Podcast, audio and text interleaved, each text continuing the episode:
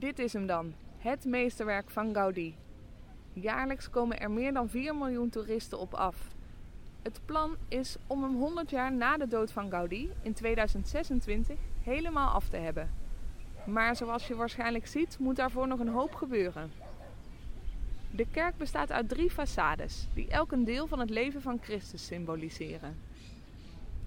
De meest donkere façade, de geboortekant langs de Carrer de la Marina, is de enige façade waar Gaudí zelf aan heeft meegewerkt.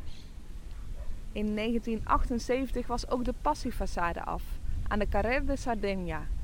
Een stuk soberder. Dat komt omdat deze kant de lijdensweg van Christus moet symboliseren. De gloriefaçade aan de Carrer de Mallorca is nog in aanbouw. Dit moet uiteindelijk de hoofdingang worden.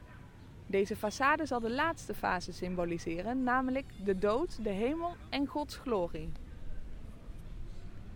Na de kerk uitgebreid te hebben bekeken, loop je via de Carrer de Provenza naar de drukke Avenida Diagonal, met 11 kilometer de langste straat van Barcelona.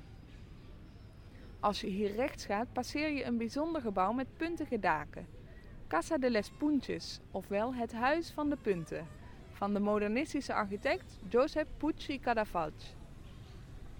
Loop de diagonaal verder omhoog tot de straat kruist met de Passeig de Gracia en klik dan door naar het volgende fragment.